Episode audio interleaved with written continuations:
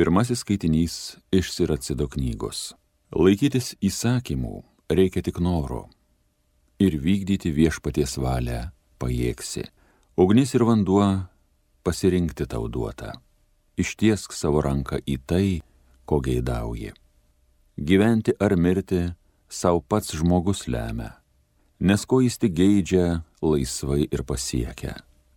Labai išmintingas yra mūsų viešpats, jis didis, galingas ir regintis viską. Maloniai jis žvelgia į tuos, kur jo bijo ir žino kiekvieno žmogaus visus darbus.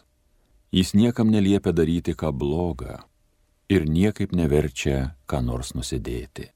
Tai Dievo žodis.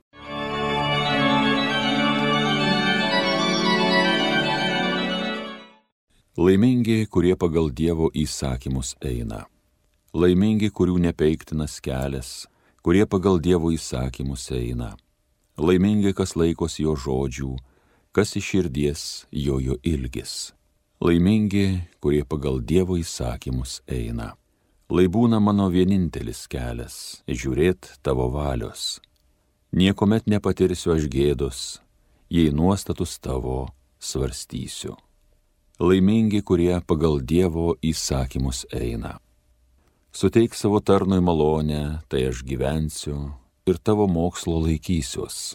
Akis man atverki kad stebuklus tavo mokslo regėčiau. Laimingi, kurie pagal Dievo įsakymus eina. Parodyk man Dievę savo įstatymų kelią ir kaip atlygio aš jo laikysiuos. Suteik išvalgumo pildyti tavo teisyną ir nuoširdžiai jo laikytis. Laimingi, kurie pagal Dievo įsakymus eina.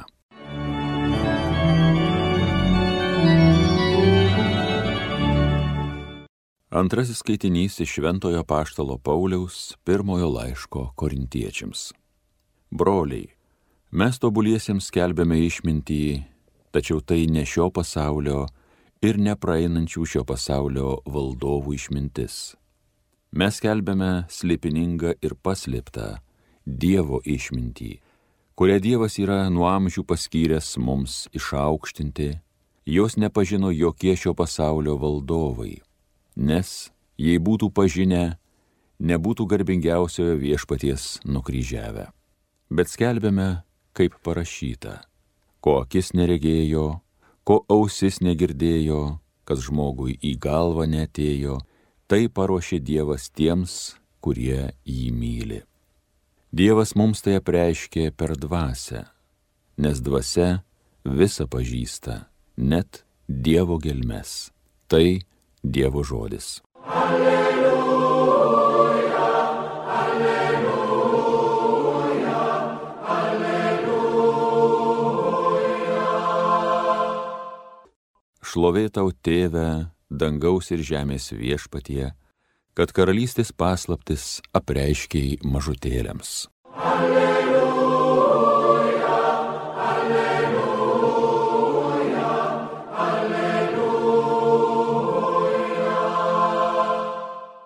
Pasiklausykite šventosios Evangelijos pagal matą. Jėzus kalbėjo savo mokiniams. Jeigu jūsų teisumas nebus tikresnis už rašto aiškintojų ir farisiejų teisumą, jūs neįeisite į dangaus karalystę. Jūs esate girdėję, kad jūsų protėviams buvo pasakyta, nežudyk, o kas nužudo, turės atsakyti teisme.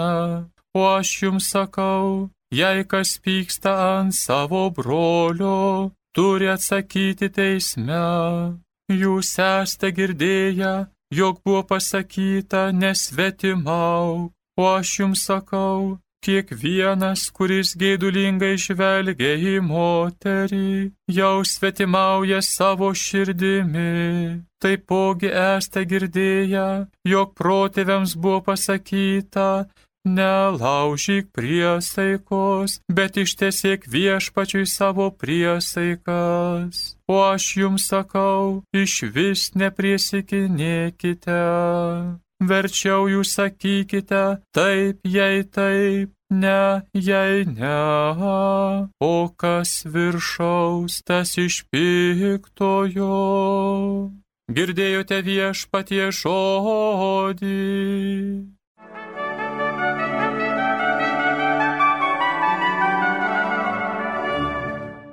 Mėly Marijos radio klausytojai, kai šiandien Dievo žodis taip aiškiai moko apie būtinybę laikytis Dievo įsakymų, kyla klausimas, ar Dievo bei valdžios įsakymai yra lygiareikšmiai?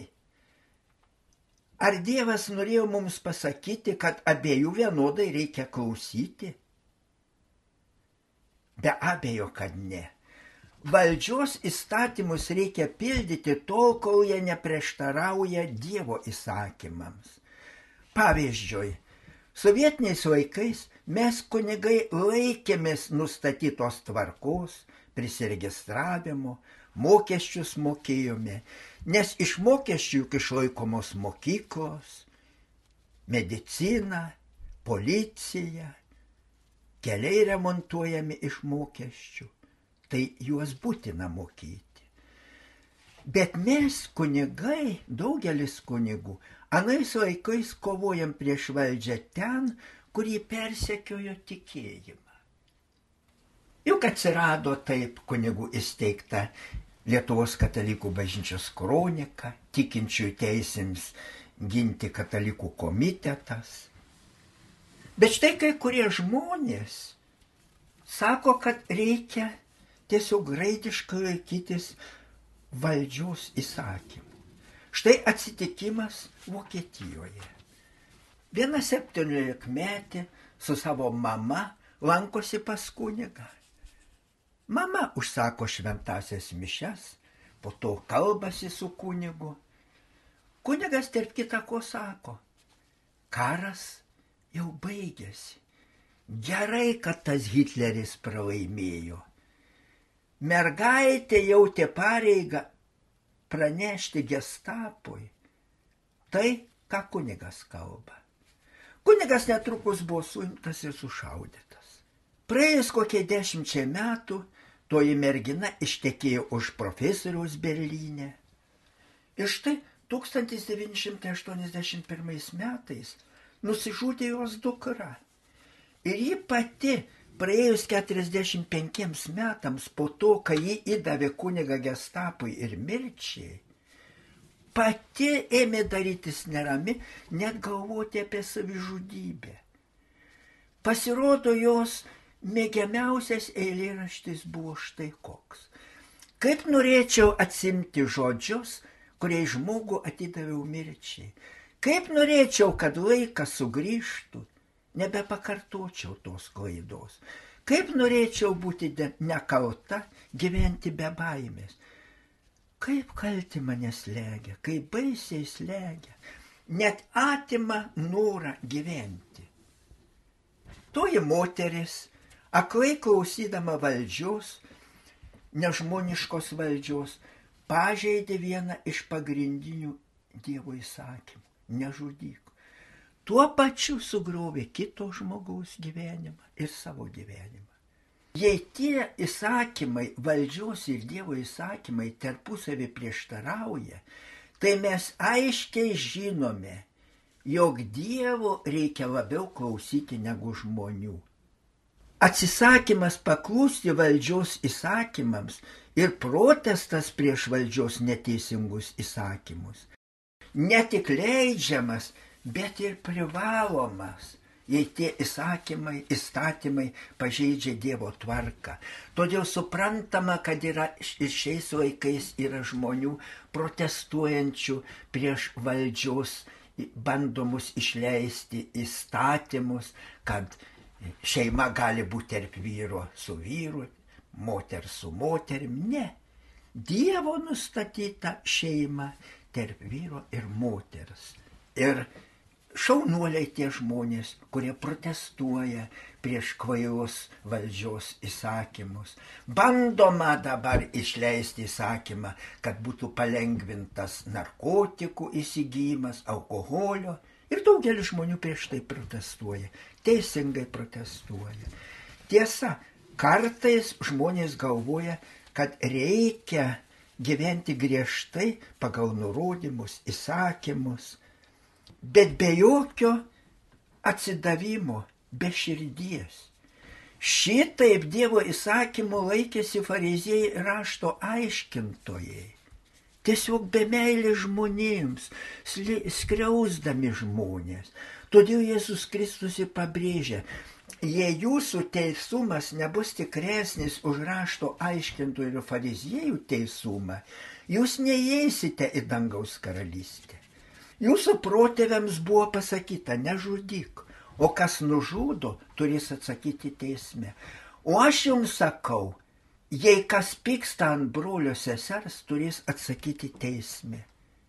Buvo pasakyta nepaliestuvauk, o Jėzus sakė, jei kas gaidulingai žvelgia į kitą žmogų, jau savo dvasioje paleistuvauja, svetimauja.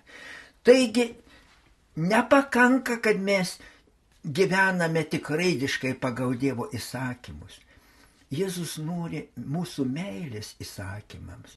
Jėzus nori, kad mes būtume jo bendradarbiai, mylėtume ne tik jį Dievą, ne tik iš meilės gyventume pagal Dievo mokslą, bet kad ir mylėtume vieni kitus. Labai gražiai išsireiškė vokiečių pamokslininkas Angelas Silezijus. Žmogau, tave keičia tai, ką tu myli. Tu myli Dievą, tada darais dieviškas, dvasiškas. O jei tu myli tik žemę, darysi žemiškas. O jei tu myli šūnį, darysi šūniškas. Skaičiau kardinolo, vokiečių kardinolo Benkšo prisiminimus. Jis, būdamas jaunas, kareivėlis, yra karo metais pražygiavęs per Lenkiją ir Lietuvą. Ir jis pasakoja, kad niekada negali užmiršti vieno labai jauno kareivėlio, rusų kareivėlio. Rado jį mūšio lauke labai sunkiai sužeistą. Gūliais labai sužalotas, kraujuojant. Paėmė jį karo ligoninę, kadangi buvo be sąmonės, paguldė į reanimaciją. Kartas nuo karto, gal jis atgaudavo sąmonę, gal nesamoningai, vis sakydavo, ta tinko maminko. Supratome, kad taip jis myli tėvelį mamytę. Dieną naktį iššaukėsi tėvelio ir motutės tas kreivėlis. Atkreipėme dėmesį, kad medarakėlis ant jo kaklo ir jam vis ašara nurieda iš akių. Žvelgiant į jį, girdint jo tą tinko maminko, ir mums nurėdėdavo ašaros. Kai atgaudavo kiek sąmonę, valgy primdavo, bandydavo valgyti, bet labai dažnai nenorėjo. Matyt, negalėjo valgyti. Apetitui pagerinti kareiviai bandė duoti alkoholio, bet jis kategoriškai atsisakė. Aiškiai matosi, kad tai mirštančio jaunuolio moralės barjeras. Jo moralės linkstis Tai jis paveldėjo iš savo tėvelio mamytės, iš tikėjimo. Ir iki mirties jis neperžengė tos lenkščių. Net apgaunamas nesidavė. Kai kareiviai maišydavo į kokį gėrimą alkoholio, jis ir tą išspjaudavo. Visus mus stebino jo ištikimybė tikėjimui, moraliai, tėveliams. Ir kai po savaitės jis užgeso, mes ilgam pasikesdavome jo tokio švento, tatinko, maminko. Ar nereikėtų, kad mes būtume panašus į tą jaunuolį? Aš tikiu, mėly Marijos radio klausytojai, kad jūs visi turite tą moralės lengstį.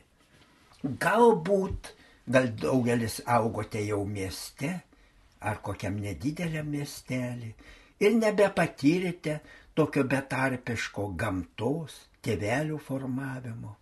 Gal dažnai jaučiatės visą galvą aukštesnį už savo tėvelius. Ypač jauni žmonės dažnai senesniam sako, ką jau tu nemokytas čia mane bandai mokyti, mes daug daugiau viską išmanom.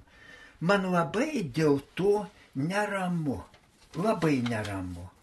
Tevelius, mamytės visiems reikia mylėti.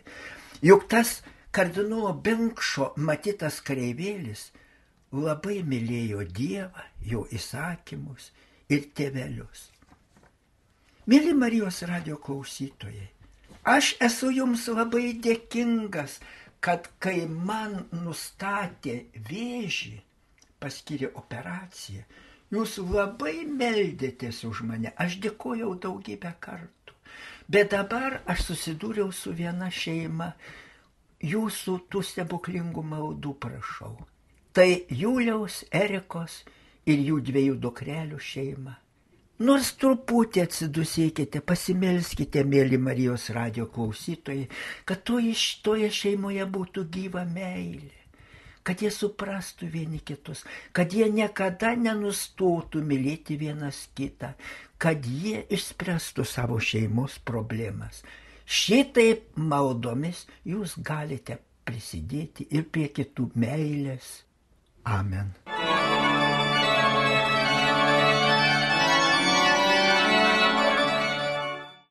Evangeliją gėdojo kunigas daktaras Vilius Sikorskas. Homilyje sakė panevižio vyskupas emeritas Jonas Kauneckas.